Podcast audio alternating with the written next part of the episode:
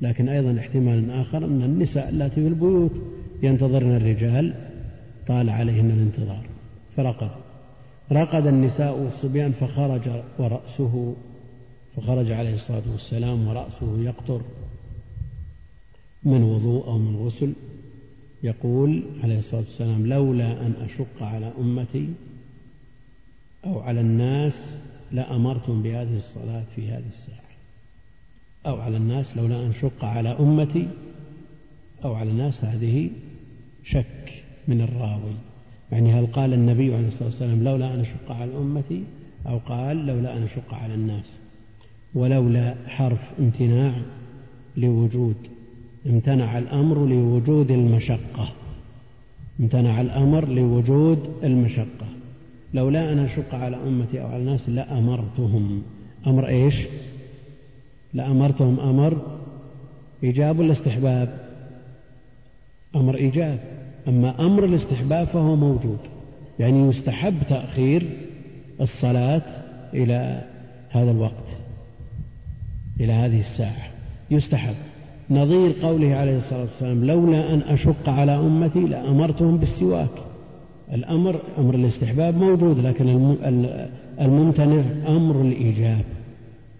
وهذه من أقوى الأدلة على أن الأمر من أقوى الأدلة على أن الأمر الأصل فيه الوجوب لأن أمر الاستحباب موجود بقي المنفي هنا في الأمر المطلق في النص هو أمر الإيجاب. فأهل العلم يستدلون بمثل هذا على أن الأمر أصله للوجوب فإن ضاف هذا إلى مثل قوله جل وعلا فليحذر الذين يخالفون عن أمره قوي مذهب جماهير أهل العلم في أن الأمر الأصل فيه الوجوب لأمرتهم بهذه الصلاة من صلاة العشاء هذه الساعة يعني بعد أن دخل الظلام الدامس والعتمة الشديدة. يقول أعتم النبي عليه الصلاة والسلام تسمية العشاء بالعتمة جاء النهي عنها لا تغلبنكم الأعراب على اسم صلاتكم. وجاء أيضا في النص الصحيح لو يعلمون ما في العتمة. فسميت عتمة دليل على أن النهي للكراهة وأن الإطلاق هذا لبيان الجواز. فإذا لم يشق تأخير صلاة العشاء إذا لم يشق تأخيرها على المأمومين فتأخيرها أفضل. وهذا إذا وجد مجموعة من الناس في رحلة أو نزهة ولا يشق عليهم تأخير الصلاة إلى ثلث الليل أو بعد ذلك فهو أفضل من تعجيلها. نعم. عفى الله عنك. وعن عائشة رضي الله عنها عن النبي صلى الله عليه وسلم قال إذا أقيمت الصلاة وحضر العشاء فابدأوا بالعشاء. وعن ابن عمر رضي الله عنهما نحوه ولمسلم عنها قالت سمعت رسول الله صلى الله عليه وسلم يقول لا صلاة بحضرة طعام ولا وهو يدافعه الأخبثان. يقول المؤلف رحمه الله تعالى عن عائشة رضي الله عنها عن النبي صلى الله عليه وسلم قال إذا أقيمت الصلاة.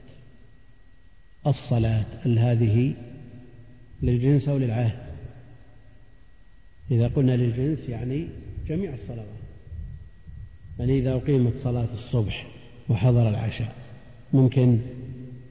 إذا أقيمت صلاة الظهر وحضر العشاء ممكن.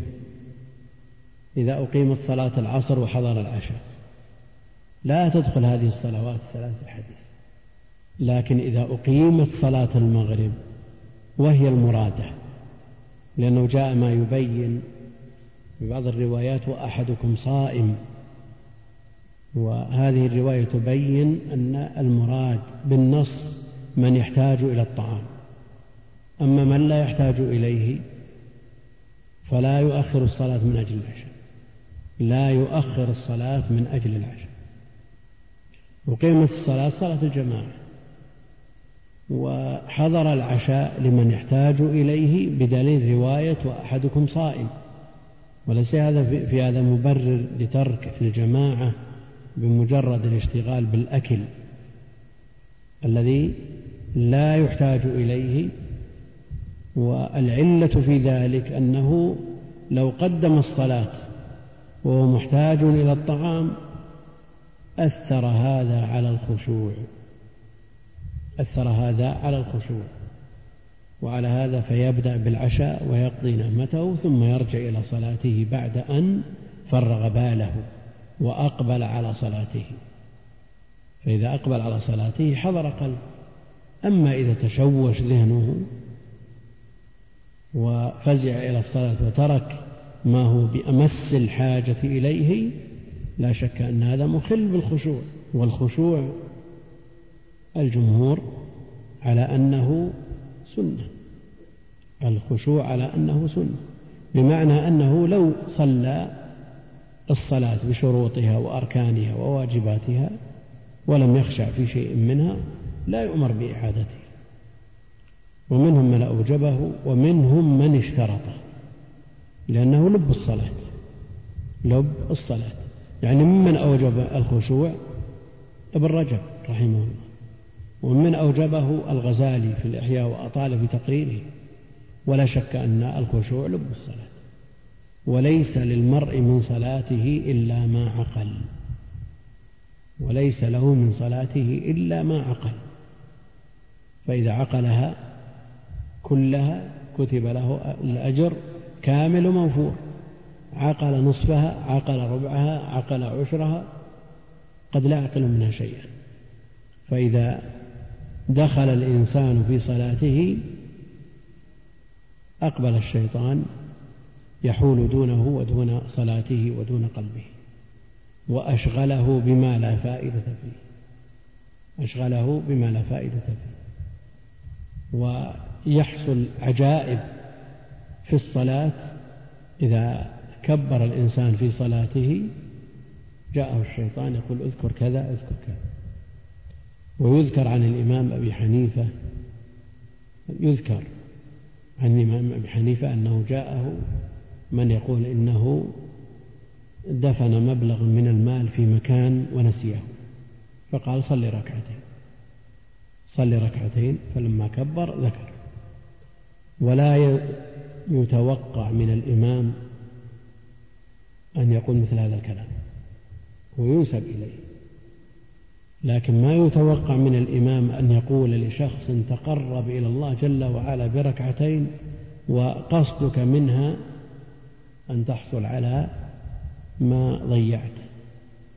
هذا صلى من أجل الأجر المرتب على الركعتين أو من أجل الدنيا؟ صلى من أجل الدنيا. فلا يتوقع من الإمام أن يأمره بها الانشغال عن الصلاة إما أن يكون من أجل الحاجة إلى الطعام كما هنا فإذا قدم الطعام وسمع الإقامة بعض الناس من حبه للخير وعدم تفريطه فيه يقوم إلى الصلاة ويترك الطعام وهو بمس الحاجة إليه. هذا موجود ويقابله طرف آخر ليس بحاجة إلى الطعام فإذا قربت الإقامة قال فرصة. عندنا الرخصة الشرعية قدموا الطعام. لكن المسألة مسألة وسط. الدين وسط بين الغالي والجافي الأول لا شك أنه على حرصه مأجور لكنه فوت الإقبال على صلاته. وصلاته صحيحة ولو انشغل باله بالطعام مجزئة مسقطة للطلب عند الجمهور. والظاهرية يبطلونها. والثاني يأثم بترك الجماعة. ولو قدم الطعام لأنه ليس بحاجة إليه. والأمور بمقاصده. هو قصد بتقديم الطعام ترك الجماعة. فهو آثم. والوسط ما جاء في التوجيه هنا. إذا أقيمت الصلاة الرواية الأخرى وأحدكم صائم. يعني محتاج إلى الطعام وحضر العشاء فابدأوا بالعشاء. لتقبل على صلاتك بقلبك وقالبك. وعن ابن عمر نحو يعني قريب منه في لفظه لأن العلماء أحيانا يقولون مثله وأحيانا يقولون نحوه. نحوه في المعنى وأما مثله فباللفظ. ولمسلم عن عائشة رضي الله عنها قالت سمعت رسول الله صلى الله عليه وسلم يقول لا صلاة. لا صلاة بحضرة طعام لأنها صلاة مشوشة. والنفي هنا لا صلاة. هل هو نفي للصلاة الحسية أو الصلاة الشرعية؟ وحينئذ هل نحتاج إلى تقدير الصحة أو تقدير الكمال؟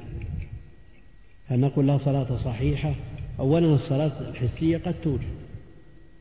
يقوم ويصلي صلاة بقيامها وركوعها وسجودها. فليس المنفي الصلاة الحسية كما في حديث المسيء. صل فإنك لم تصل لو قال قائل إنه صلى.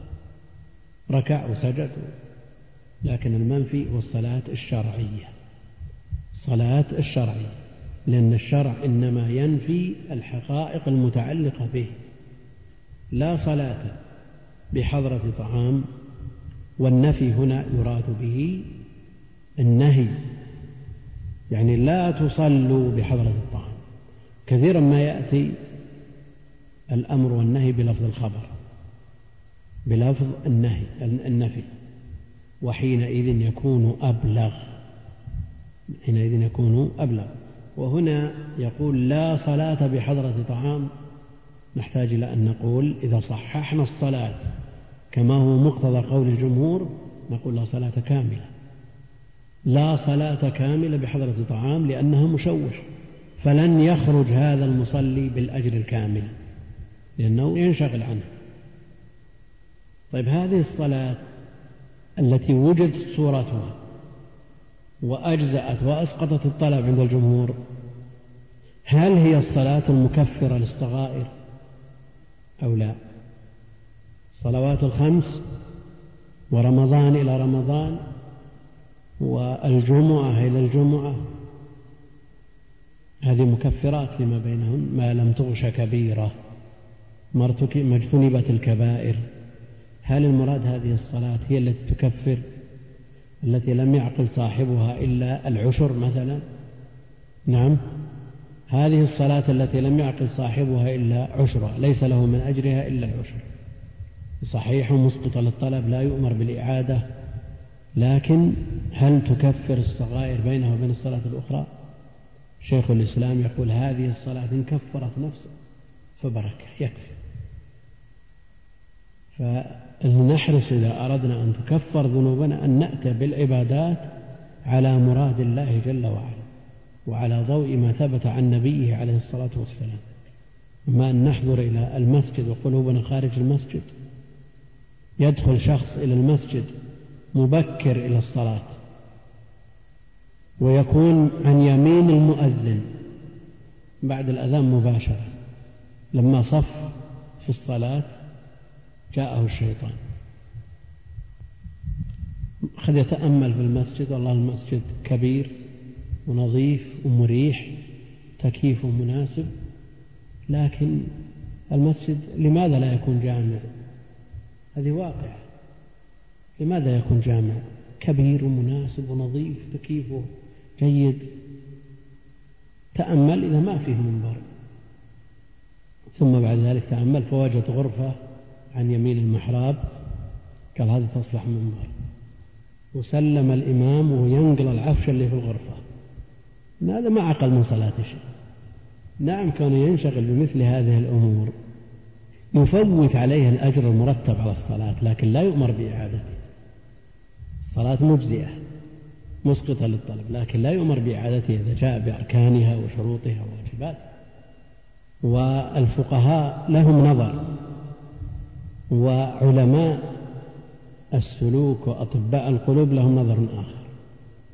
هذا الذي أشغل نفسه بهذا. نفترض أن هذا أمر خير إن شاء الله.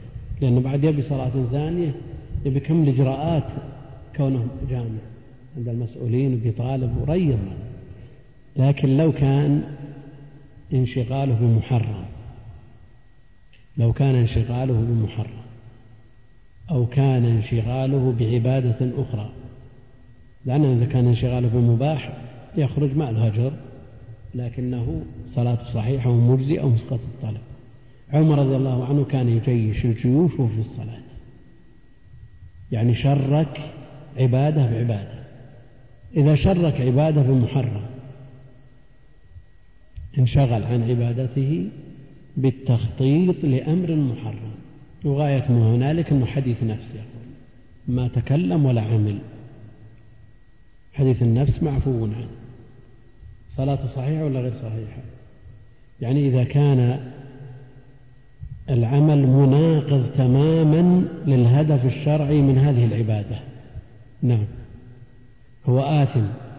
يقول أنا ما تكلمت ولا عملت شيء. وهذا حديث نفس معفو عنه. مسألة التشريك تشريك في العبادات. إما أن تشرك العبادة بعبادة. كصنيع عمر رضي الله عنه. شرك الصلاة بتجييش الجيش. الجيوش من أجل الجهاد في سبيل الله هذه عبادة. ونظير هذا من يصلي وهذه واقعة. في الدور الثاني في المسجد الحرام. ويكون يطل على الساحة وعلى المطاف والإمام يقرأ قراءة مؤثرة بكلام, بكلام رب العالمين. بكى هذا الشخص. لما سلم قيل له قال والله ما أدري وش قرأ الإمام طيب ما الذي أبكاك قال نظرت إلى الناس يموج بعضهم في بعض. فتذكرت الموقف هذا ينقص من أجر شيء ولا ما ينقص؟ هذا انشغل عن صلاته وليس له من صلاته إلا ما عقل كما في النص. لكنه مأجور من جهة أخرى. لكن من يشرك عبادة بمباح. ينصح بالحمية مثلا. يقول له الأطباء عليك بالحمية. يقول نصوم. بدل ما نمتنع عن الطعام بدون أجر نصوم. هل أجر هذا مثل الأجر الذي يصوم لا يبعثه على الصيام إلا ابتغاء الأجر من الله جل وعلا؟ أو شخص ينصح بالمشي يقول ما أجوب الأسواق طولا وعرضا والمطاف يا الله كثيرا ما يسأل من رجال ونساء عن السعي هل فيه أجر ولا لا؟ إيش على شأنه؟ المسعى أحسن من المطاف للمشي. اللي برياضها المسعى أحسن. يقولون فيه أجر ولا ما فيه؟ يقول لما يكن لنصك ما فيه أجر. فالهدف واضح أن المسألة تخفيف ومحافظة على الصحة. إذا قيل له لابد أن تستعمل المشي تمشي في كل يوم خمسة كيلو. يقول الحمد لله الحج وقضاء الحاجة نطوف ونحصل على أجر بالطواف له أجر في الطواف. لكن ليس ثوابه مثل ثواب من يطوف لا ينهزه إلى الطواف إلا طلب الأجر من الله جل وعلا. فمسألة التشريك مبسوطة وتحتاج إلى شيء من البسط هنا يقول لا صلاة بحضرة طعام لأنه يتشوش ذهنه ولا وهو يدافعه الأخبثان. الحاقن الأخبثان البول أو الغائط. فإذا دخل في صلاته وهو على هذه الحال وبعض الناس من زيادة الحرص يحرص على أن يدرك تكبيرة الإحرام أو ندرك الركعة الأولى أو يدرك الجماعة ويقول إذا طلعت أمر الدورة. نقول لا إله مر الدورة قبل وأقبل على صلاتك. طيب تفوت الصلاة؟ خلها تفوت. مأمور بصلاة الجماعة. الذي أمرك بصلاة الجماعة هو الذي نهاك عن الصلاة حال مدافعة الأخبث ونقول أبدا إذا كان هناك ما يشوش عليك لكن الإشكال في بعض الناس أن الذهن 24 ساعة مشوش. يعني أمور متراكمة من أمور الدنيا رانت على قلبه ومشوش باستمرار. مثل هذا يقال هو انتظر حتى يفرغ بالك نقول الله المستعان صل على حسب حالك. مثل ما جاء في الحديث إذا نعس أحدكم في صلاته فلينصرف. طيب بعض الناس خلفه يجلس ينام. يمسك المصحف ينام نقول له طبز المصحف. يقول دائما هكذا. يقول جاهد. جاهد. وأحرص على فراغ قلبك وإلا إلى الله المشتكى.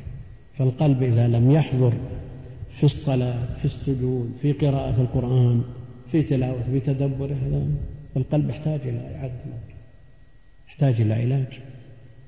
هذا قلب قاسي. ونعوذ بالله من قلب لا يخشع إذا صلى على هذه الحال بحضرة الطعام أو وهو يدافعه الأخبثان فإن كان يعوقه مدافعة الأخبثين عن تحصيل واجب من واجبات الصلاة أو ركن من أركانها نقول إذا قال والله ما أقدر أسجد خاف أسجد يطلع شيء غصب عنه نقول له صلاتك باطلة. لكن إذا كان يستطيع الإتيان بالأركان والواجبات مع هذه المشغلة نقول صلاتك عند الجمهور صحيحة وهي باطلة عند الظاهرية لأن كل نهي عند الظاهرية يقتضي البطلان كل نهي ولو كان خارج عن العبادة. من صلوا على عمامة حرير أو بيد من خاتم ذهب صلاته باطلة لأنه يتقرب إلى الله جل وعلا بما حرمه عليه. والأكثر على أنه إذا لم يعد النهي إلى ذات المنهي عنه أو إلى شرطه فإنها تصح مع التحريم. وعندنا الآن تعارض بين صلاة الجماعة وبين الصلاة في أول الوقت مع الخشوع. فإذا تعارضت الفضائل فما الذي يقدم؟ ما الذي يقدم إذا تعارضت الفضائل؟ هنا قدم الخشوع على أول الوقت وقدم الخشوع على صلاة الجماعة. لأن الخشوع هو لب الصلاة وإن كانت الجماعة واجبة من القول الصحيح عند أهل العلم لكن لا يكون هذا الديدن وهذا كما أن الأكل من الثوم والبصل لا يصل إلى حد التحريم مكروه. ومع ذلك إذا كان أكله حاجة يعذر في ترك الجماعة فلا يقربن مسجدا فيعذر في ترك الجماعة. قد يقول قائل الآن عارضنا مستحب وهو الخشوع بواجب وهو الجماعة. عارضنا واجب بمستحب. وهذا يقوي القول بوجوب الخشوع. هذا يقوي القول بوجوب الخشوع لأن الواجب لا يمكن أن يعارض بالمستحب وتعارض المستحبات. الصف الأول أفضل من الصف الثاني كل ما قرب من الإمام لا شك أنه أفضل مما تأخر. فإذا دخلت المسجد الحرام مع الإقامة لو تقدمت الآن تدرك تكبيرة الإحرام وتدرك الصلاة كاملة في الصفوف المتأخرة عند الأبواب. لكن لو تقدمت إلى الصفوف الأولى قرب الإمام فاتك ركعة ركعتين. نقول تحصل أجر الصفوف الأولى ولا تصف الصفوف الأخيرة. لكن إذا انضاف إلى ذلك تعرض صلاتك للتشويش من الذين يمرون بين يديك إذا سلم الإمام وقد فاتك ركعتين وأنت في مكان تتعرض فيه للتشويش. إضافة إلى أنه قد تودك صلاة جنازة. فما الذي يقدم مع تعارض هذه الفضائل؟ إذا اجتمع أكثر من فضيلة. أنت الآن إذا صفيت في الصفوف المتأخرة تبي تدرك تكبيرة الإحرام وتبي تسلم مع الإمام ولا تعرض صلاتك للتشويش. بتدرك الجنازة أو الجنائز. إذا تقدمت صليت قرب الإمام لا شك أنك أدركت أجر الصفوف الأولى لكن فاتك تكبيرة الإحرام فاتك بعض الركعات. تشوش الصلاة الركعات التي تقضيها بمرور الذاهب والغادي والرائح. أيضا قد تفوتك صلاة الجنازة. فمع هذه المفاضلات يعني إذا كان هناك فضائل ثلاث أو أربع في مقابل واحدة ترجح الثلاث. قد تكون الصفوف الأولى ما هي مريحة. لا تحضر قلبك فيها. الصفوف الأولى فيها شمس مثلا. أو المكان اللي تحتك ما هو مريح. أحيانا يصير غير متساوي مائل من جهة أو من جهة فتنشغل به وأنت تصلي. فنقول صح صلي في الصفوف المتأخرة. إذا كان هذا أضمن لصلاتك وأخشع لقلبك. وأهل العلم يقررون أن الثواب المرتب على العبادة نفسها أولى من الثواب المرتب على مكانها أو زمانها ما لم يكن شرطا. ما يجينا من يقول والله أنا آه، صلاتي في بيتي أضبط لي وأخشى لي من في المسجد. لا ما يمكن يرد هذا. على كل حال مسألة الخشوع ما يتعارض معه من الأمور يحتاج إلى مزيد بسط وإخوان كثير منهم يطلب عدم الإفاضة في الاستطرادات فيكفي هذا. نعم. عفى الله عنك. وعن عبد الله بن عباس رضي الله عنهما قال شهد عندي رجال مرضيون وأرضاهم عندي عمر أن رسول الله صلى الله عليه وسلم نهى عن الصلاة بعد الصبح حتى تشرق الشمس وبعد العصر حتى تغرب. وعن أبي سعيد الخدري رضي الله عنه عن رسول الله صلى الله عليه وسلم قال لا صلاة بعد الصبح حتى ترتفع الشمس ولا صلاة بعد العصر حتى تغيب الشمس. وفي الباب عن علي بن أبي طالب وعبد الله بن مسعود وعبد الله بن عمر بن الخطاب وعبد الله بن عمرو بن العاص وأبي هريرة وسمرة بن جندب وسلمة بن الأكوع وزيد بن ثابت ومعاذ بن عفراء وكعب بن مرة وأبي أمامة الباهلي وعمرو بن عبسة السلمي معاذ معاذ معاذ بن ومعاذ بن عفراء. النسخة المحققة يقول معاذ بن عفراء ونسخة القديمة معاذ بن جبل. وأظنها أيضا في شرح ابن دقيق العيد معاذ بن جبل. ترجم معاذ بن جبل. نعم. كيف؟ من عفراء أي طبعة؟ ارفع أربعة وشوف من بعيد. الطبعة الجديدة الثانية من معها طبعا الأولى. لا لا. إيش في واحد هنا معه؟ أنت إيش معك؟ وش اللي معك؟ الكتاب اللي معك. ها؟ صنعاني؟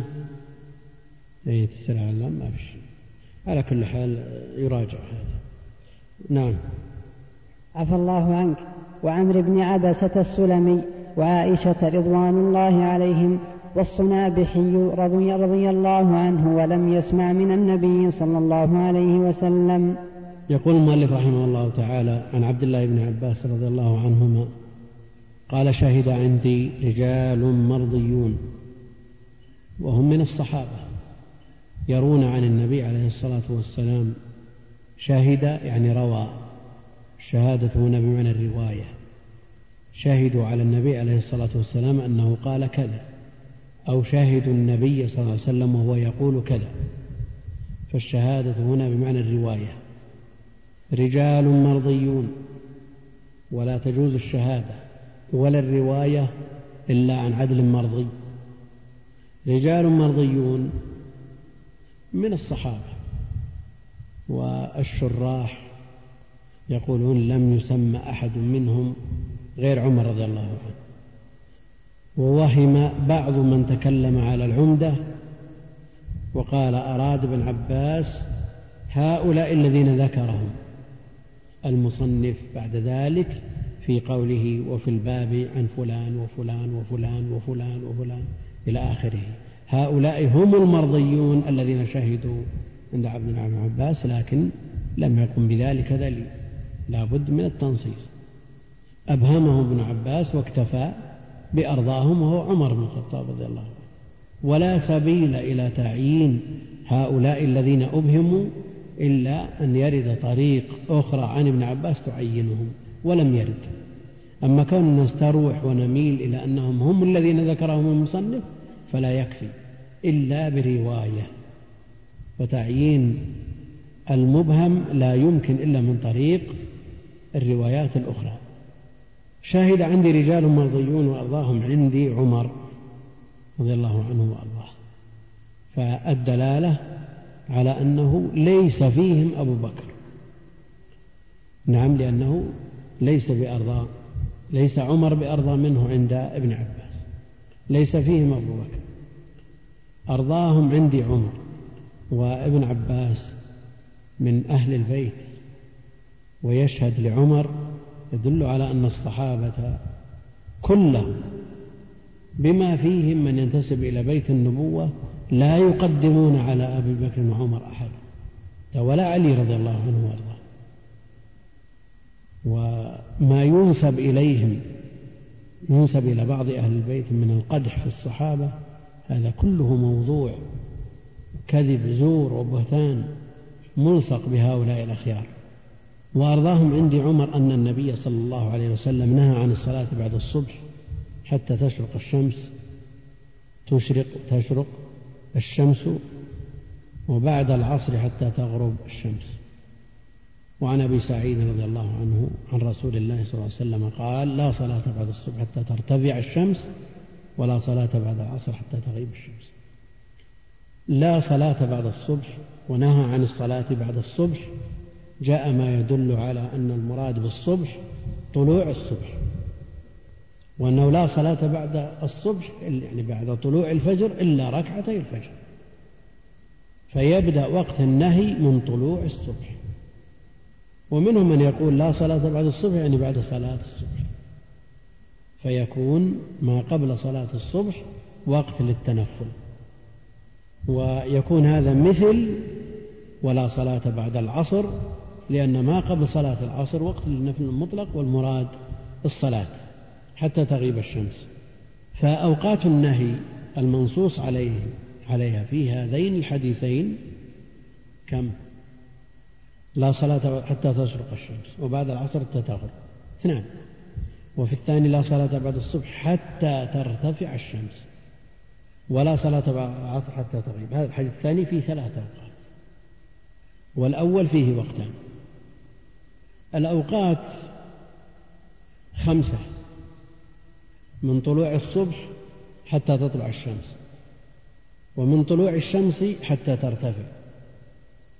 وحين يقوم قائم الظهيرة حتى تزول الشمس ومن صلاة العصر حتى تتضيف الشمس للغروب ومن تضيفها للغروب حتى تغرب. خمسة. خمسة. قد يقول قائل لماذا لا تتداخل هذه الخمسة فتكون ثلاثة؟ من طلوع الصبح حتى ترتفع. هذا واحد. ما نحتاج إلى أن تقول حتى تطلع من طلوعها حتى ترتفع. ووقت الزوال حتى تميل. والثالث من صلاة العصر إلى غروب الشمس. تكون ثلاثة. يتداخل تتداخل هذه الأوقات. هذان الوقتان الموسعان الذين جاء في حديثي ابن عباس وأبي سعيد والثلاثة المضيقة التي جاءت في حديث عقبة بن عامر.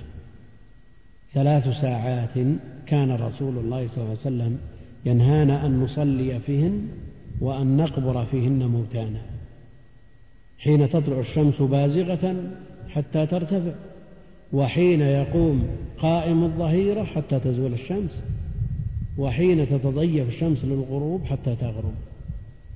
فالأوقات خمسة ثلاثة مضيقة ووقتان موسعان. والدمج الدمج بين هذه الأوقات الخمسة واختصارها إلى ثلاثة ممكن ولا غير ممكن؟ ممكن ولا غير ممكن؟ يعني حينما يتفق العلماء ويطبقون على أن أوقات النهي خمسة يعني ما لا يمكنهم أن يختصروها إلى ثلاثة. ترى كلامهم دقيق وهم يتكلمون جزاف. لا. نعم. غير ممكن. لماذا؟ لأن الثلاثة المغلظة المنهي, عنها أمران. نعم. ثلاث ساعات كان ينهانا أن نصلي فيهن وأن نقبر فيهن موتانا. أما الوقتان الموسعان فالمنهي عن الصلاة فقط. نهى عن الصلاة بعد الصبح أن الصلاة المراد بها جنس الصلاة فيدخل في ذلك الفرائض والنوافل المطلقة وذوات الأسباب. إذا قلنا جنس الصلاة لكن يخرج من هذا الفرائض الفرائض. بدليل من أدرك ركعة من صلاة الصبح قبل أن تطلع الشمس فقد أدرك الصبح. وتكون صلاة الصبح الآن في وقت في وقت النهي المغلظ ومن أدرك ركعة من صلاة العصر قبل أن تغرب الشمس فقد أدرك العصر وهذا في الصحيح أيضا في الوقت المغلظ إذا نخرج الفرائض. الفرائض المؤدات اتفاقا. وإن قال الحنفية أنه إذا ضاق الوقت على صلاة الصبح وخشي أن تؤدى في الوقت المضيق تؤخر. ويستدلون بأن النبي عليه الصلاة والسلام لما نام عن صلاة الصبح انتقل من الوادي وأخر الصلاة. يقول إن أخرها حتى يخرج وقت النهي. هذا الكلام صحيح ولا ليس بصحيح؟ ليس بصحيح. لماذا؟ لأنهم لم يوقظهم إلا حر الشمس. وإذا كان الأمر كذلك فوقت النهي انتهى. الأمر الثاني أن العلة في تأخير الصلاة منصوصة. فقد أخبر النبي عليه الصلاة والسلام أنهم انتقلوا عن الوادي لأنه مكان حضر فيه الشيطان. فمسألة الفرائض المؤدات لا إشكال فيها. المقضية شخص نسي صلاة الظهر فهل يقضيها بعد العصر؟ نقول نعم يقضي الفرائض فورا. في أي وقت كان. يجب قضاء الفوائد فورا عند أهل العلم. فالفرائض لا تدخل. النوافل النوافل منها ما هو مطلق. ومنها ما هو مقيد بسبب. ما هو مقيد بسبب.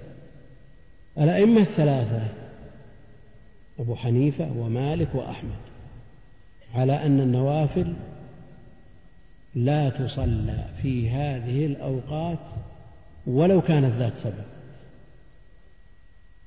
لا تصلى في هذه الأوقات ولو كانت ذات سبب.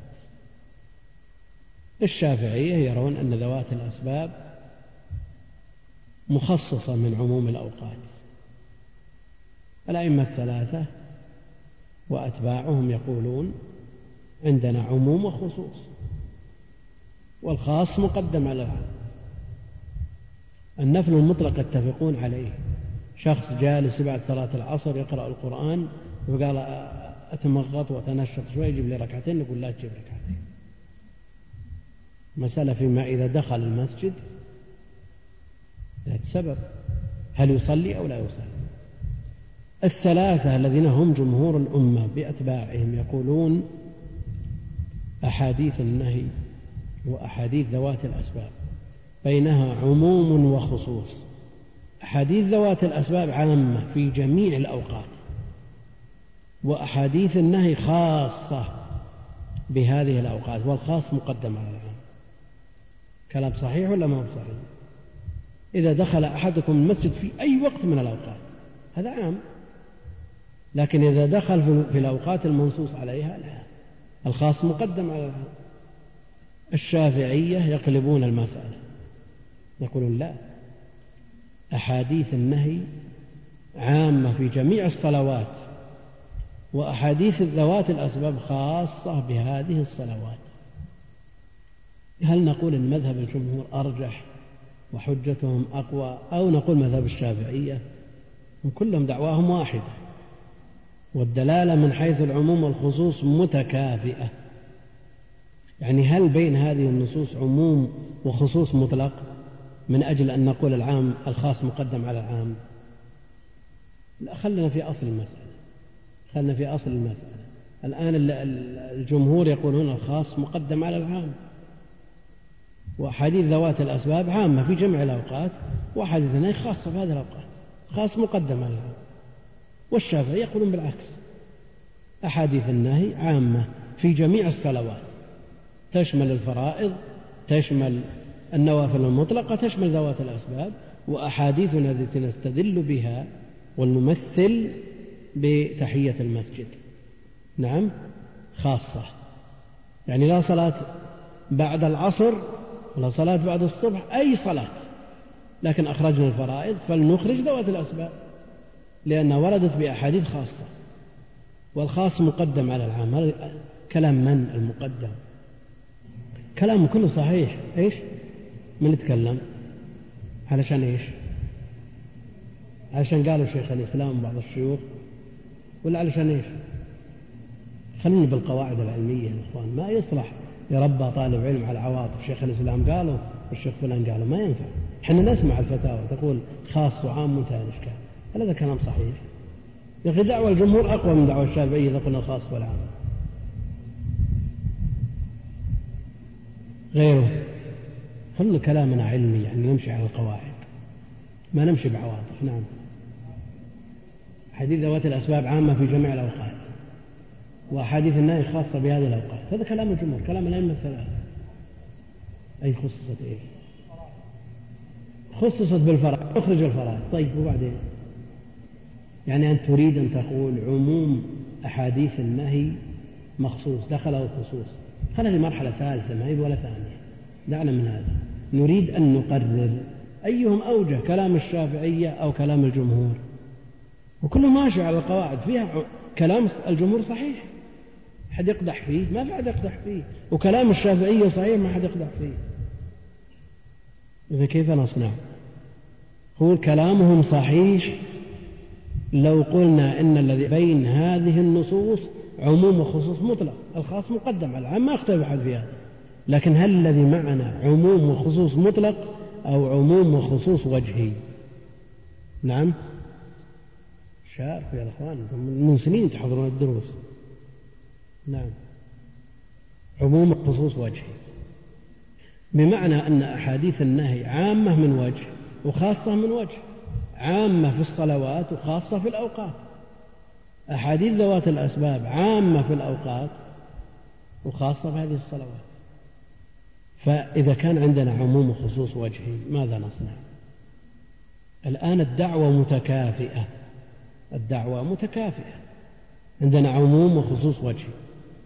نجيب مثال تقريبي. عندنا من بدل دينه فاقتلوه. من بدل دينه فاقتلوه. هذا عام في الرجال والنساء صح ولا لا؟ لأن من تتناول الرجال والنساء. لكنه خاص بالمبدل الذي هو المرتد. صح ولا لا؟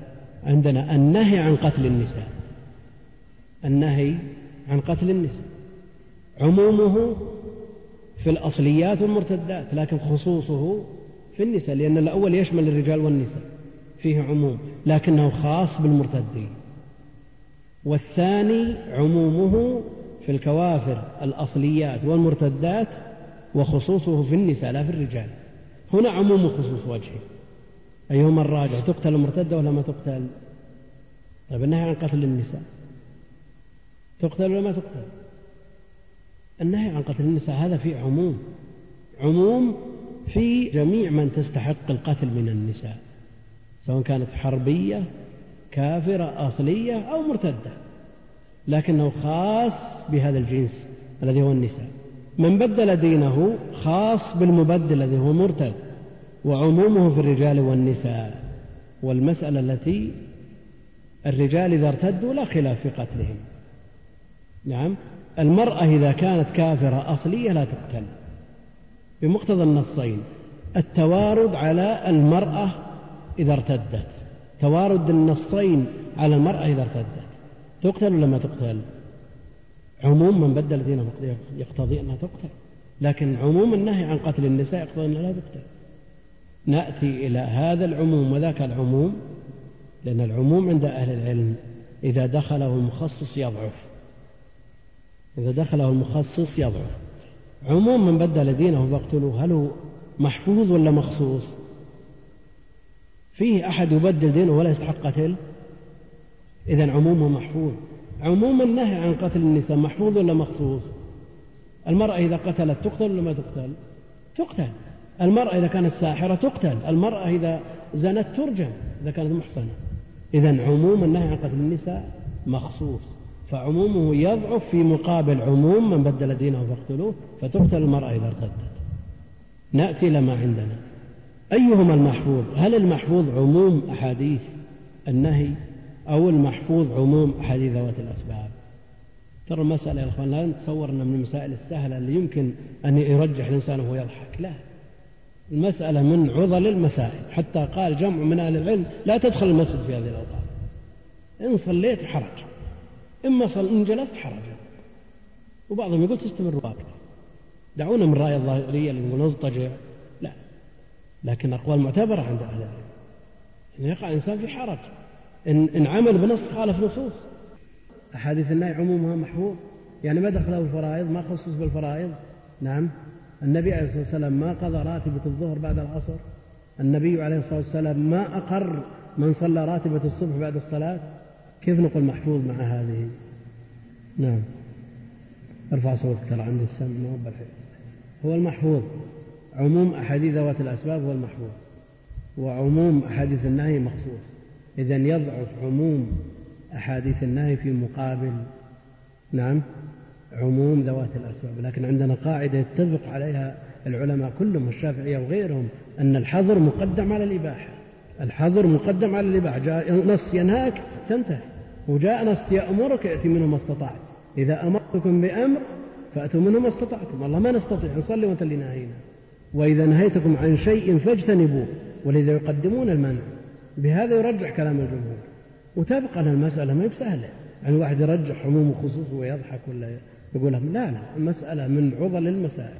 ليست بالسهلة لكن وجد من يفتي ممن فتن الناس بتقليده. وخلاص. قالت حذام تصدقوا ما لا أحد الكلام مع شيخ الإسلام. عندنا نصوص صحيحة صحيحة عندنا أئمة جبال قالوا بهذا وقالوا بهذا. طالب العلم لابد أن يمشي على قاعدة ما يمشي مع عاطفة.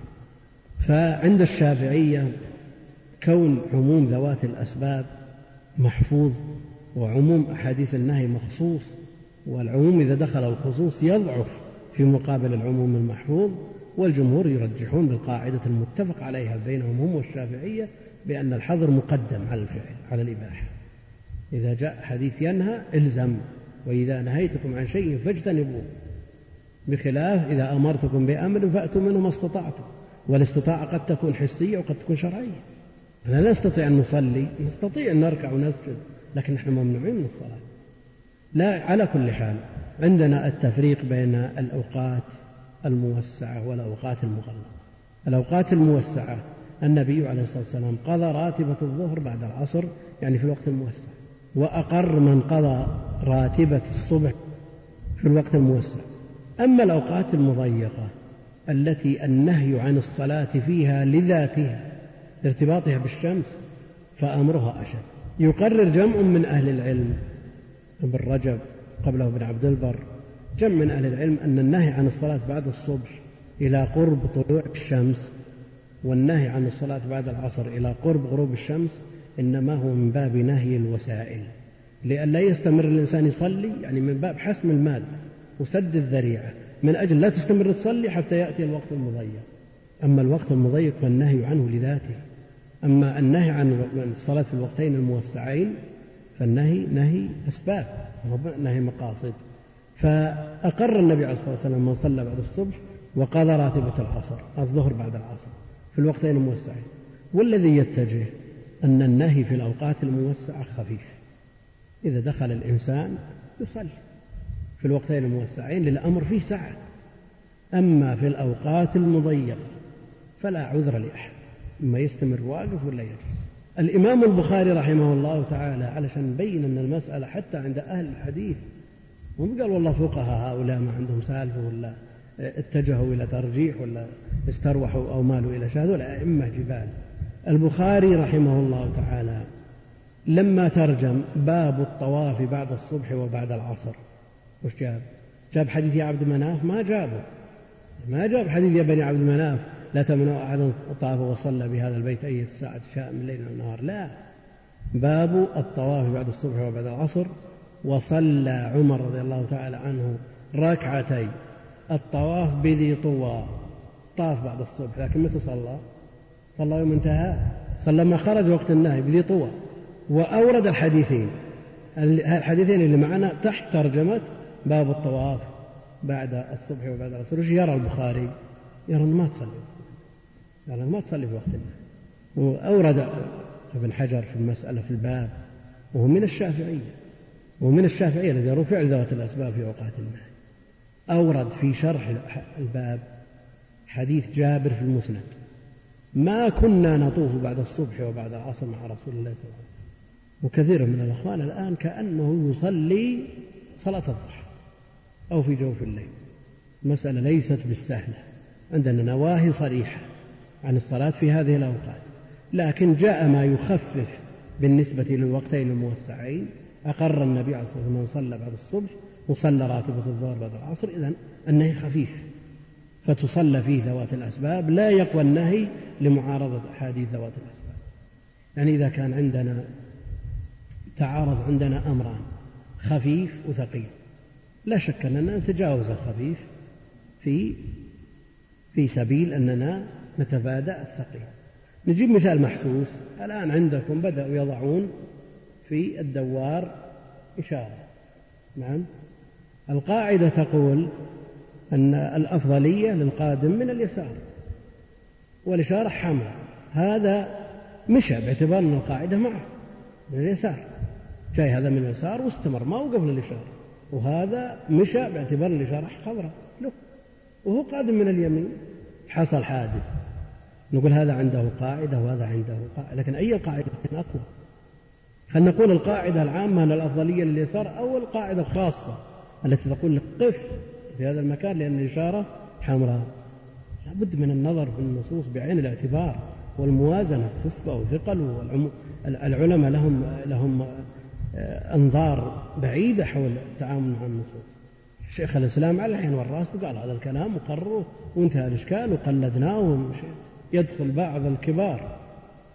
يعني رأيت بعيني ولا ولا ولا تسريب عليه لأنه من أهل النظر والاجتهاد ولا يلزم أحد باجتهاد أحد. قبل أذان المغرب بخمس دقائق. وقت النهي المغلظ ويصلي ركعتين. باعتبار أن شيخ الإسلام قال والحمد لله. أحد يتنقص شيخ الإسلام ولا أحد يتطاول على شيخ الإسلام لكن عندنا مرجعنا ومرجع شيخ الإسلام النصوص. وعلى طالب العلم أن يعمل بما يعتقد ويدين الله به. تعرف أن الظاهرية يرون النهي منسوخ؟ الظاهرية يرون النهي منسوخ. ما في نهي أبدا صل في أي وقت. نعم. لكن نحن نقرر كلام أئمة كبار كبار ثلاثة الجمهور وأتباعهم منذ قرون كلهم يقررون هذا. ونأتي بأقل كلام نفسه نرمي بكلام عرض الحياة لا. هو اللي ينبغي أن يكون طالب العلم هياب لأهل العلم. ما تكون لديه الجرأة بحيث ينسب أقوال أهل العلم بكل بساطة. ومع ذلك ونحن نقرر هذا الكلام لا يعني أننا نفرض أن أن الشخص إذا دخل يصلي أو لا يصلي لا. وليس من حقك ولأن هذه المسألة ما هي مسألة يرجح بها بالقشة يرجح. أنه إذا صلى واحد تقوم تفرق عن القبلة لا. أو جلس واحد تقوم تشيل يصلي مو صحيح. النبي عليه الصلاة والسلام لما جلس قال هل صليت ركعتين؟ ما قال قم صل. وقد شهدنا شخص صف ابنه لتحية المسجد بعد صلاة العصر وقام ودار عن جهة القبلة. الابن طالب علم والابو طالب علم. لا هذا ولا هذا. إنسان يعمل بما يدين الله به.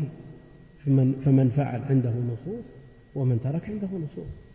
فهذه المسألة المقرر عند أهل العلم أنها من عضل المسائل. حتى قال بعضهم لا تدخل مسجد تقع في حرج. إن صليت مشكلة إن خالفت نصوص وإن تركت خالفت. هؤلاء الذين ذكرهم المصنف أحاديثهم شواهد ما ذكره في الباب حديث ابن عباس المروي عن عمر رضي الله تعالى عنه حديث أبي سعيد. الحديث الأول هل هو من مسند ابن عباس أو من مسند عمر؟ يعني لو رجعت إلى تحفة الأشراف. المزي بيضعه تحت ترجمة عمر ولا ترجمة ابن عباس؟ نعم. مسند ابن عباس ولا عمر؟ آه. يعني لو أن ابن عباس شهد حادثة واقعة واقعة حصلت للنبي عليه الصلاة والسلام مع واحد من الصحابة. قلنا من مسند ابن عباس بلا شك. لكن هو هنا هل هو يشهد على عمر هذه القصة التي حضرها مع النبي عليه الصلاة والسلام أو يرويها عن صاحبها؟ يرويها عن عمر. إذا هي من مسند عمر رضي الله عنه. يقول وفي الباب عن علي بن أبي طالب عبد الله بن مسعود عبد الله بن عمر عبد الله بن عمرو بن العاص وأبي هريرة وسمرة وسلمة بن وكبع وزيد بن ثابت إلى آخره. هذه شواهد. هؤلاء رووا أحاديث النهي. فأحاديث النهي مستفيضة. أحاديث النهي مستفيضة. ويرى الظاهرية أنها منسوخة. أنها منسوخة. لكن عامة أهل العلم على أنها محكمة. وتنزل في منازلها. نعم. عفى الله عنك. وعن جابر بن عبد الله رضي الله عنه أن عمر بن الخطاب رضي الله عنه جاء يوم الخندق جاء يوم الخندق بعدما غربت الشمس فجعل يسب كفار قريش وقال يا رسول الله ما كدت أصلي العصر حتى كادت الشمس تغرب فقال النبي صلى الله عليه وسلم والله ما صليتها قال فقمنا إلى بطحان فتوضأ للصلاة وتوضأنا لها فصلى العصر بعدما غربت الشمس ثم صلى بعدها المغرب. الصيغة التي استعملها ابن عباس صيغة الأداء صيغة نادرة. صيغة الأداء شاهد عندي رجال صيغة نادرة. قد تبحث عن حديث آخر بهذه الصيغة ما تجد. نوادر الصيغ ما جاء في صحيح مسلم في أحاديث الفتن فلان بن فلان رده إلى فلان وفلان رده إلى فلان يعني يرويه عن فلان وينقله عن فلان. هذه الصيغ نادرة ينبغي أن يعتنى بها. هنا يقول عن جابر بن عبد الله رضي الله عنهما أن عمر بن الخطاب. جاء يوم الخندق. هذا من مسند جابر ولا مسند عمر؟ نعم مسند جابر لأنه يحكي قصة. هو الحاكي له لكن لو كانت عن جابر بن عبد الله عن عمر بن عن عمر بن الخطاب أنه جاء يوم الخندق صارت من مسند عمر. الآن هي من مسند جابر يحكي هذه القصة. ما الفرق بين أن يقول عن جابر بن عبد الله عنهما أن عمر بن الخطاب جاء يوم الخندق أو يقول عن عمر بن الخطاب أنه جاء يوم الخندق؟ في فرق ولا ما فيه يعني فرق بين السند المؤنن والمعنعن ولا ما في فرق؟ نعم. ما في فرق؟ في فرق ولا ما في فرق؟ يعني في حديث عن محمد بن الحنفية عن محمد بن الحنفية عن عمار أنه مر بالنبي صلى الله عليه وسلم قال أحمد ويعقوب بن شيبة متصل وعن محمد بن الحنفية أن عمارا مر بالنبي صلى الله عليه وسلم قال الإمام أحمد ويعقوب بن شيبة منقطع. في فرق ولا ما في فرق؟ يعني في حديث عن محمد بن الحنفية عن محمد بن الحنفية عن عمار أنه مر بالنبي صلى الله عليه وسلم قال أحمد ويعقوب بن شيبة متصل. وعن محمد بن الحنفية أن عمارا مر بالنبي صلى الله عليه وسلم قال الإمام أحمد ويعقوب بن شيبة منقطع فهل المرد في اختلاف الحكم اختلاف الصيغة أو لا؟ نعم. يعني الخلاف في السند المؤننة والمؤنن هل هو مثل المعنعن ولا لا؟ أيوة. لا يحتمل السماء واللي عندنا أن عمر بن الخطاب لا يحتمل السماء؟ ها؟ كون الراوي يروي قصة شهدها نعم متصل. وكونه يحكي قصة لم يشهدها منقطع. لكن محمد بن الحنفية ما حضر القصة. لأنه لو حضرها كان صحابي النبي عليه الصلاة والسلام طرف فيها. فاختلاف الصيغ الحكم هنا لا لاختلاف الصيغة فلما قال عن محمد بن الحنفية عن عمار هو يروي القصة عن صاحبه. لكن لما قال عن محمد بن الحنفية أن عمارا مر بالنبي صلى الله عليه وسلم يحكي قصة لم يشهدها. وليس مرد هذا إلى اختلاف الصيغ. فالجمهور على أن فلانا مثل عن فلان مثل ما عندنا هنا. لا تختلف. وحكم أن حكم عن فالجل سووا وللقطع نهى البرديجي حتى يبين الوصل في التخريج. ولذا لما حكم من الصلاح عن أحمد بن حنبل ويعقوب بن شيبة أنهم يرون التفريق لهذه القصة. قال الحافظ العراقي كذا له ولم يصوب صوبة. يعني ما انتبه إلى السبب الحقيقي. يعني لو لو مثلا لي قصة مع واحد من المشايخ حدثتك بها فصرت ترويها عني أنها حصلت. لكن قصة لم تشهدها. تقول إن فلان حصل له قصة مع فلان. متصلة ولا منقطعة؟ لما تحكيها عني تقول عن فلان أنه قال حصل لي كذا وحصل كذا. تروي قصة عن صاحبه في متصل. لكن لما تحكي القصة التي لم تشهدها ولم ترويها عن صاحبها أن فلانا حصل له كذا مع فلان منقطعة. فليس السبب اختلاف. الصيغة إنما السبب أنه يروي قصة لم يشهد وحكم عليها بالانقطاع. والعبارة الصيغة الأخرى أنه يحكي القصة عن صاحبه فهي متصلة. وهنا متصلة لأن السند المؤنن حكمه حكم المعنى لو قلنا بالاختلاف بين المؤنن والمعنى قلنا هذا منقطع الذي معنا وفي الصحيح. عن جابر بن عبد الله رضي الله عنهما أن عمر بن الخطاب رضي الله عنه جاء يوم الخندق بعدما غربت الشمس فجعل يسب كفار قريش. يسب كفار قريش. قالوا قال يا رسول الله عمر يسب كفار قريش والنبي عليه الصلاة والسلام يسمع ولم ينكر عليه. فدل على جواز سب الكفار لا سيما من يتعدى ضرره وقال يا رسول الله ما كدت أصلي العصر حتى كادت الشمس تغرب.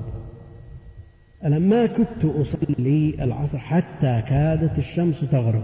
الآن صلاها قبل الغروب ولا بعد الغروب؟ من خلال هذه الجملة.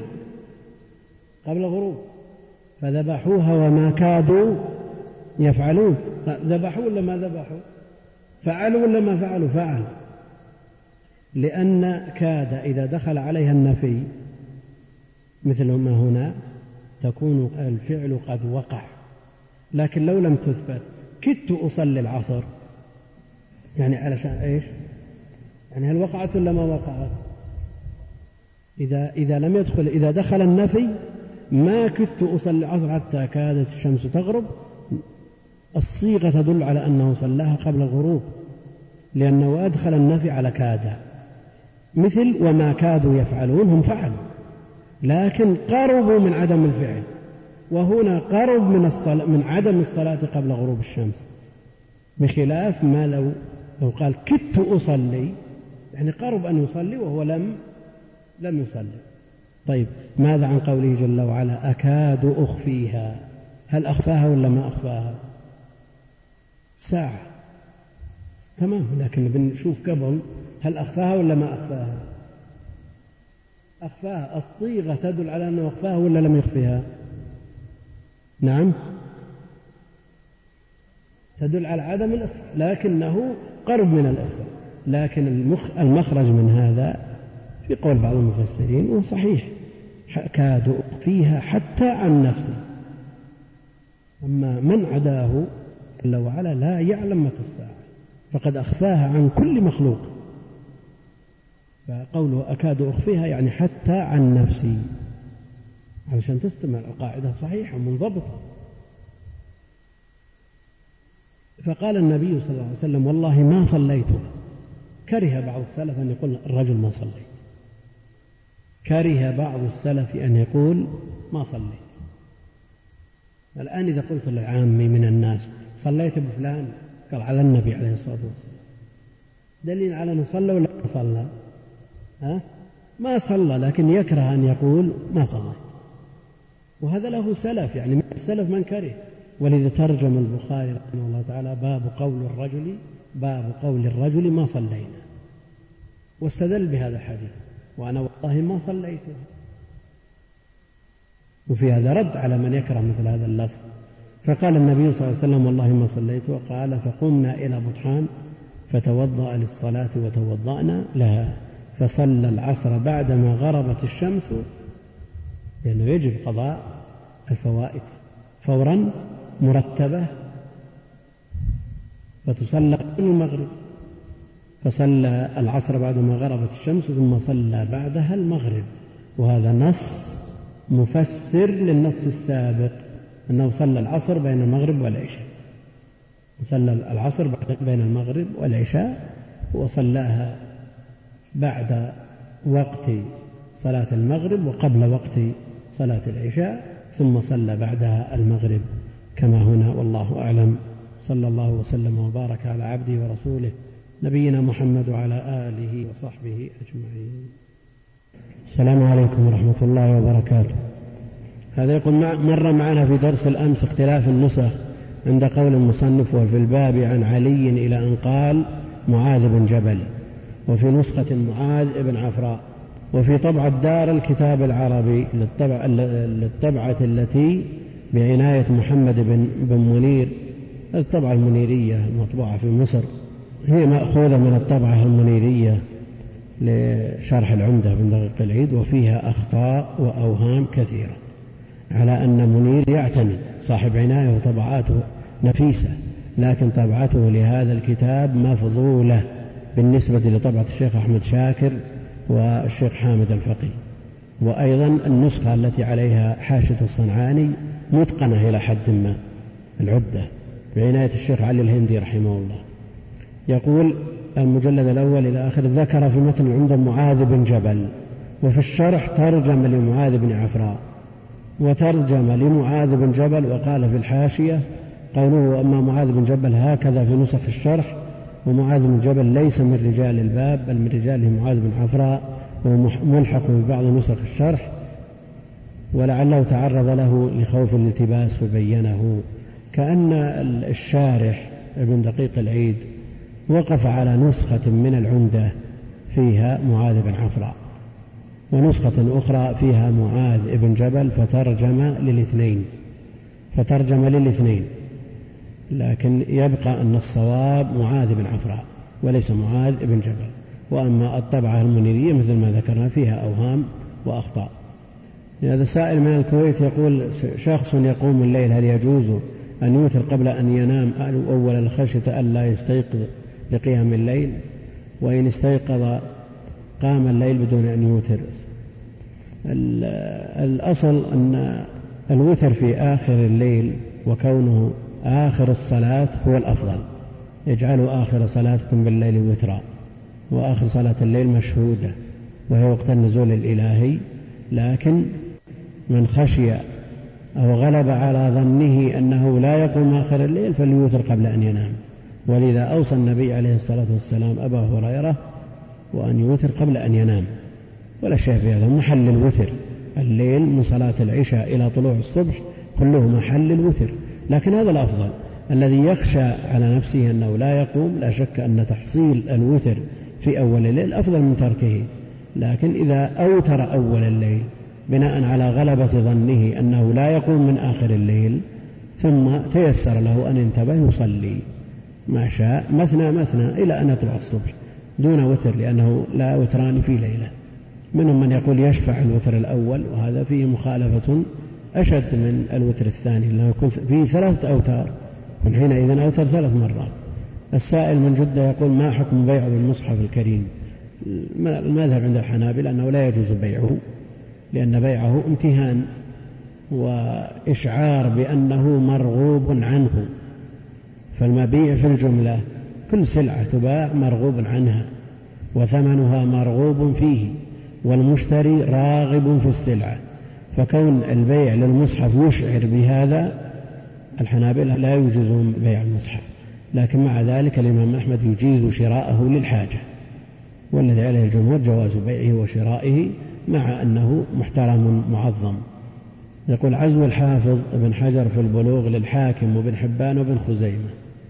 هذا العكس يعني مفترض أن يبدأ بابن خزيمة ثم ابن حبان ثم الحاكم. يقول ما رأيكم فيه وهل يمكن حذف أحدهما عند الحفظ خصوصا عزوه للحاكم؟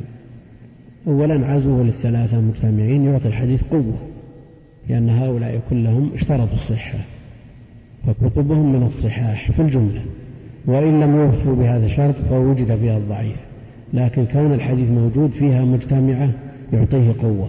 الأمر الثاني أن من اعتنى بكتاب بعينه وأراد حفظه أو قراءته أو إقراءه عليه أن يقرأه بحروفه وأن يحفظه بحروفه كما وضعه مؤلفه ليصدق عليه أنه حفظ الكتاب الفلاني.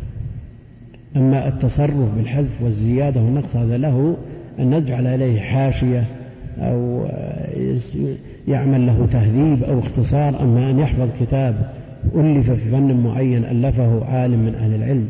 معتبر ليس من الأمانة العلمية أن يحدث منه شيء بل يبقى كما هو ويحفظ كما هو ولو قدر أنك لم تجد الحديث عند الحاكم. افترض أن الحافظ عزاه للحاكم من حبان بن خزيمة بحث في المستدرك ما وجدته تستطيع أن تحذف هذا التخريج؟ هذا العزو إلى هذا الإمام لا يمكن. لكن لك أن تنبه. تقول عزاه الحافظ الحاكم ولم أجده فيه بعد الحرص على أو التتبع والاستقراء لجميع الكتاب. ولذا أهل العلم إذا وجد خطأ في كتاب خطأ. يعني في العمدة لو يعلم المار بين يدي المصلي ما عليه من الإثم لكان أن يقف.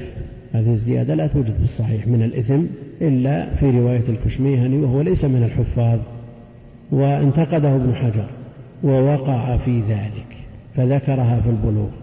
مع أنه انتقد الحافظ عبد الغني. ومع ذلك من يريد أن يحفظ الكتاب من يريد أن يشرح الكتاب سواء كان شرحا مسموعا أو مقروءا لا يجوز له أن يحذف هذه اللفظة. بل عليه أن يبقيها كما كانت ويعلق عليها. هذا مقتضى الأمانة العلمية. لا يحذف شيء من الكتاب ولا يزيد فيه إلا إذا وجد في بعض الأصول المعتمدة وسقط من بعضها حينئذ يلفق بين الأصلين. أهل العلم يقول إذا وجدت خطأ خطأ. لا يحتمل الصواب. إن كان في آية من القرآن صحح عدل على ضبط المصحف. إن كان في غيرها فتبقيها وترويها كما وجدت وتعلق عليها. كذا في الأصل والصواب كذا. لأنه قد يكون عندك عندك أنت خطأ. لكن يبين وينوح الصواب لغيرك. فإذا جرأت وصححت متى يبين الصواب؟ خلاص صححت كل من يأتي وكم من كلمة يرجحها كثير من المحققين ويجعلونها في صلب الكتاب ويعلقون عليها. يقولون في الأصل كذا وهو خطأ والصواب ما أثبتناه. كثير من هذا. ونجد الصواب العكس. يمر هذا كثير في الدروس. والله المستعان. فلا يتسرع الطالب في التصرف بكتب أهل العلم. الحمد لله رب العالمين وصلى الله وسلم وبارك على نبينا محمد وعلى آله وصحبه أجمعين. قال المصنف رحمه الله تعالى باب فضل الجماعة ووجوبها. عن عبد الله بن عمر رضي الله عنهما أن رسول الله صلى الله عليه وسلم قال صلاة الجماعة أفضل من صلاة الفذ بسبع وعشرين درجة. وعن أبي هريرة رضي الله عنه قال قال رسول الله صلى الله عليه وسلم صلاة الرجل في الجماعة تضعف على صلاته في بيته وفي سوقه خمسا وعشرين ضعفا وذلك أنه إذا توضأ فأحسن الوضوء ثم خرج إلى المسجد لا يخرجه إلا الصلاة لم يخط خطوة إلا رفعت له بها درجة. وحط عنه بها خطيئة فإذا صلى لم تزل الملائكة تصلي عليه ما دام في مصلاه. اللهم صل عليه اللهم ارحمه ولا يزال في صلاة ما انتظر الصلاة. الحمد لله رب العالمين وصلى الله وسلم وبارك على عبده ورسوله نبينا محمد وعلى آله وصحبه أجمعين. يقول المؤلف رحمه الله تعالى باب فضل صلاة الجماعة ووجوبها. باب فضل صلاة الجماعة ووجوبها. الجماعة مأخوذة من الاجتماع فلا بد أن تكون من أكثر من واحد وأقلها اثنان. فضل الجماعة جاءت به النصوص التي يذكر المؤلف منها ما يذكر وترك الشيء الكثير. والجماعة على الرجال الذكور الأحرار البالغين واجبة يأثم القادر على إتيانها بعدم ذلك فواجبة على الأعيان على كل شخص بعينه. هذا الذي ذكره المؤلف في الترجمة ويرى بعضهم وهو مذهب أهل الظاهر أن الجماعة شرط لصحة الصلاة. فلو صلى الرجل في بيته مع قدرته على إتيان الجماعة. لم تصح صلاته. بهذا يقول أهل الظاهر وهو رواية عن أحمد يرجحها شيخ الإسلام ابن تيمية رحمه الله تعالى. مما يستدلون به الحديث المشهور لا صلاة لجار المسجد إلا المسجد. أدلة الوجوب منها ما ذكره المؤلف في هذا الباب ومنها ما جاء في حديث ابن أم مكتوم ورجل معذور أعمى بينه وبين المسجد مفاوز وأودية وهوام وهو أعمى. رخص له النبي عليه الصلاة والسلام في أول الأمر فلما انصرف دعاه. قال أتسمع النداء؟ قال نعم. قال أجد. لا أجد لك رخصة. ومن أدلة وجوبها اركعوا مع الراكعين. ومنها أيضا مشروعية صلاة الخوف والتنازل عن بعض الواجبات بل حصول ما يبطل الصلاة. من أجل المحافظة على الجماعة. ولولا وجوب الجماعة ولولا وجوب الجماعة ما حصل هذا الخلل ما أقر شرعا هذا الخلل في صلاة الخوف. ولا شك أن الجماعة بأدلتها الظاهرة المتضافرة أقل ما يقال فيها الوجوب فيأثم بتركها من استطاع الإتيان إليها. منهم من يقول أنها فرض كفاية. هذا قول معروف عند الشافعي لأنه شعار شعار للدين فلا بد أن يكون موجودا ولأجله شرع الأذان والنبي عليه الصلاة والسلام إذا أراد غزو بلد أو قوم انتظر سمع أذان يكف وإلا أغار عليه الصلاة والسلام. فإذا كانت مجرد شعار فالشعار يسقط بقيام البعض. هذا قول الشافعية. والحنفية والمالكية. يقولون سنة مؤكدة لا يأثم بتركها ويتمسكون بمثل ما جاء في هذا الباب من حديث عبد الله بن عمر وحديث أبي هريرة. عن عبد الله بن عمر رضي الله عنهما أن رسول الله صلى الله عليه وسلم قال صلاة الجماعة أفضل من صلاة الفذ بسبع وعشرين درجة. هذا من أدلتهم على أن صلاة الجماعة سنة. من أدلتهم حديث عتبان. لما كف بصره دعا النبي عليه الصلاة والسلام ليصلي في جزء من بيته ليتخذه مسجدا. ومقتضى ذلك أنه لا يحضر الجماعة. وهو محمول على أن عتبان لا يسمع النداء لا يتعارض مع حديث ابن أم مكتوم. فهو محمول على أن عتبان لا يسمع النداء. فلا دليل فيه. فالذي لا يسمع النداء لا تلزمه الإجابة. قد يقول قائل الناس الآن في بيوتهم لا يسمعون النداء بين المساجد وفي أوساط المدن لا يسمعون النداء وقد يكون بعيد بعيدا بعدا يشق الحضور مع يشق تحصل المشقة معه لسماعه النداء من بعد شديد لوجود المكبرات نقول. الذين في بيوتهم التي هي الآن كالصناديق محكمة مغلقة مع وجود الآلات التي تمنع من سماع الصوت مكيفات وغيرها المسألة مفترضة في سماع النداء بالصوت العادي بدون مكبرات وبدون موانع وبدون موانع. افترضنا أن البلد قبل وجود الكهرباء ما في مكبرات ولا في مكيفات ولا يوجد سيارات. من كم يسمع النداء؟ مسافة كم؟ كيلو كيلوين. نعم يسمع من كيلوين. إذا كان الجو هادئ يسمع من كيلو إذا كان هناك ريح تنقل الصوت يسمع من أكثر. لكن مثل هذا ليس فيه مشقة.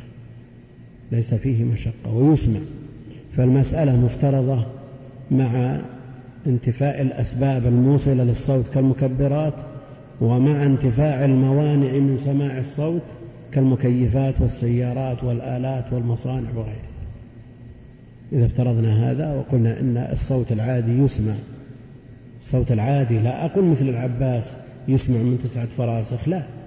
لكن صوت عادي الناس ولا شخصا أبح ما يسمعه جيرانه لا. مسألة مفترضة في الصوت العادي والذي يتخذ مؤذن من شرطه أن يكون صيتا. يبلغ الناس يبلغ أطراف البلد. فعلى هذا اتصور أن الكيلو والكيلوين يسمعون الأذان بالراحة. مع انتفاء الأسباب والموانع. فلا يقول والله المسجد فوق رأسي لكن ما أسمع. فإذا سمع النداء لازمه الإجابة. أتسمع النداء؟ قال نعم. قال أجب لا أجد لك رخصة الرسول ما يجد رخصة فمن يرخص له بعد الرسول عليه الصلاة والسلام؟ لا يملك أحد. هنا يقول في حديث عبد الله بن عمر رضي الله عنهما أن رسول الله صلى الله عليه وسلم قال صلاة الجماعة أفضل من صلاة الفذ بسبع وعشرين درجة. وهذا من أقوى أدلة الحنفية والمالكية على أن صلاة الجماعة ليست بواجبة وإنما سنة مؤكدة. وجه الاستدلال أنه قال صلاة الجماعة أفضل وأفضل أفعل تفضيل أفضل أفعل تفضيل. وأفعل التفضيل يقتضي وجود أمرين أو أمور تشترك في صفة. أمور تشترك في صفة. وهنا الصفة الفضل. يزيد أحد هذه الأمور في هذه الصفة على غيره. فصلاة الجماعة تزيد في صفة الفضل المشترك بين صلاة الجماعة وصلاة الفضل الفضل مشترك لكن صلاة الجماعة تزيد في الفضل على صلاة الفذ هذا مقتضى أفعل التفضيل إذا كانت على بابها إذا كانت على بابها واللغة تشهد لذلك. إذا قلت زيد أفضل من عمرو كلهم أهل فضل لكن فاق أحدهما الآخر.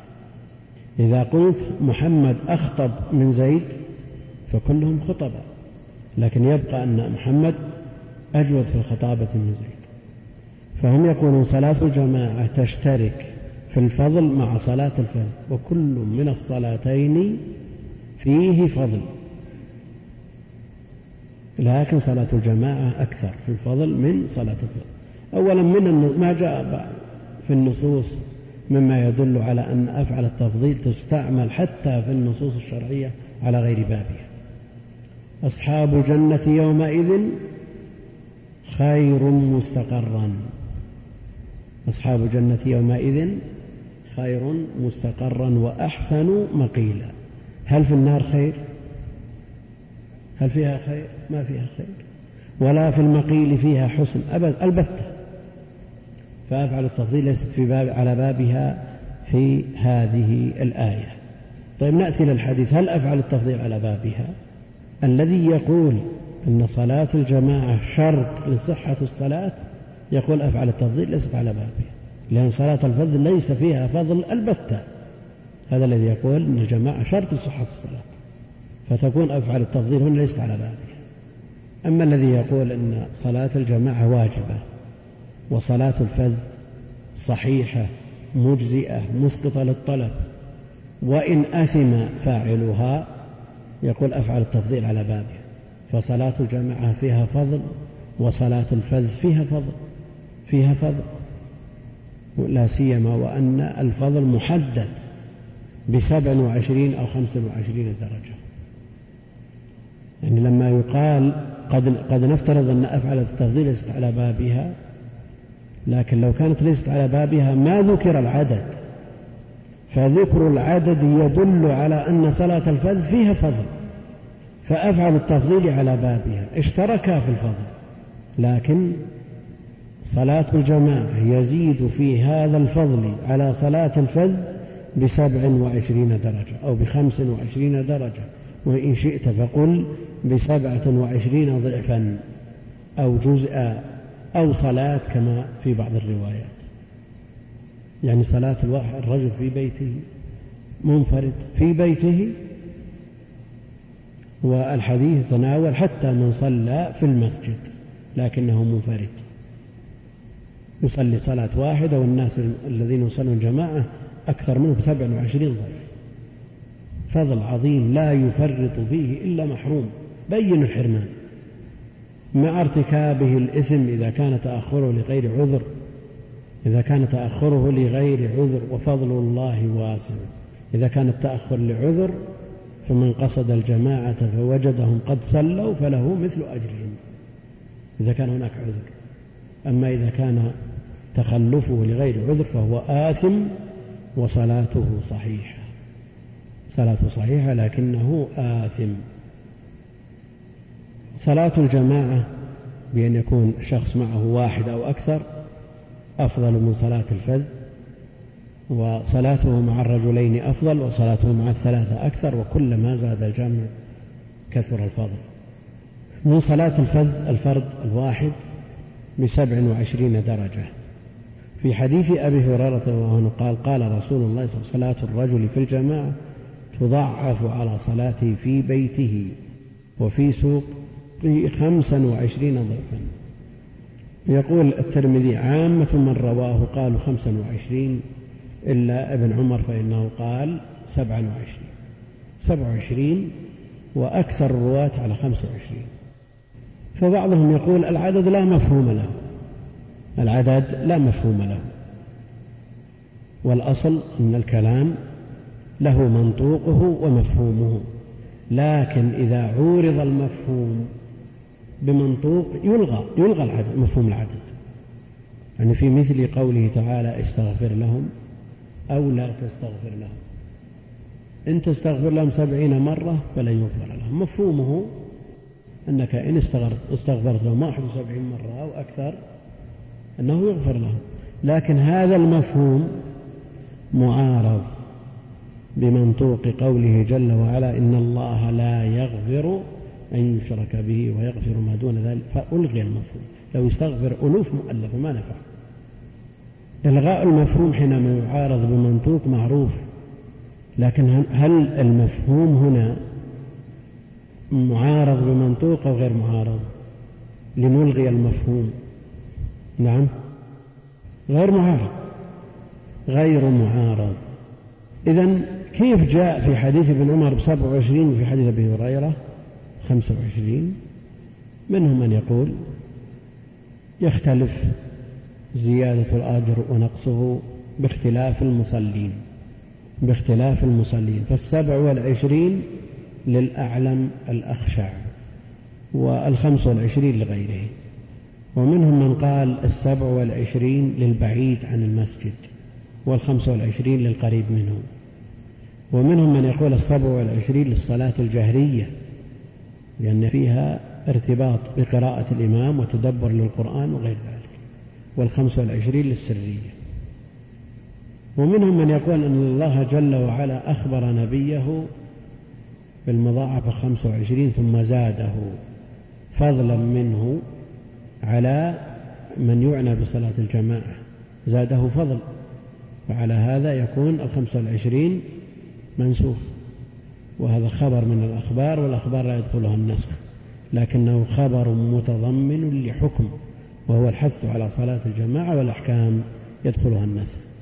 على كل حال يحرص الإنسان على أن يدرك الصلاة الجماعة مع الإمام الأفضل في المسجد الأقدم يحرص على التبكير لصلاة الجماعة لأن من أهل العلم من يقول أن السبع والعشرين لمدرك الصلاة كلها.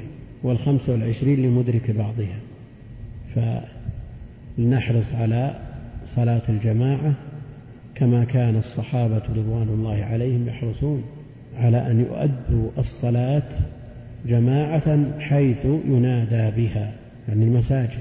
وأما ما يميل إليه بعض الفقهاء بأن الجماعة له فعلها في بيته لا شك أنه ما أجاب النداء. تسمع النداء قال نعم قال أجب لا أجد لك رخصة. فلا تجوز الصلاة في البيوت ولو كانت جماعة. بسبع وعشرين درجة. وهنا يقول صلاة الرجل في الجماعة تضعف على صلاته في بيته وفي سوقه خمسا وعشرين ضعفا على صلاته. مفرد مضاف. مفرد مضاف يعم جميع الصلوات. لكن أخرجت النوافل بالنصوص الخاصة. أخي المستمع الكريم تابع ما تبقى من مادة هذا الشريط على الشريط التالي. مع تحيات تسجيلات الراية الإسلامية بالرياض هاتف رقم أربعة تسعة واحد واحد تسعة ثمانية خمسة. والسلام عليكم ورحمة الله وبركاته.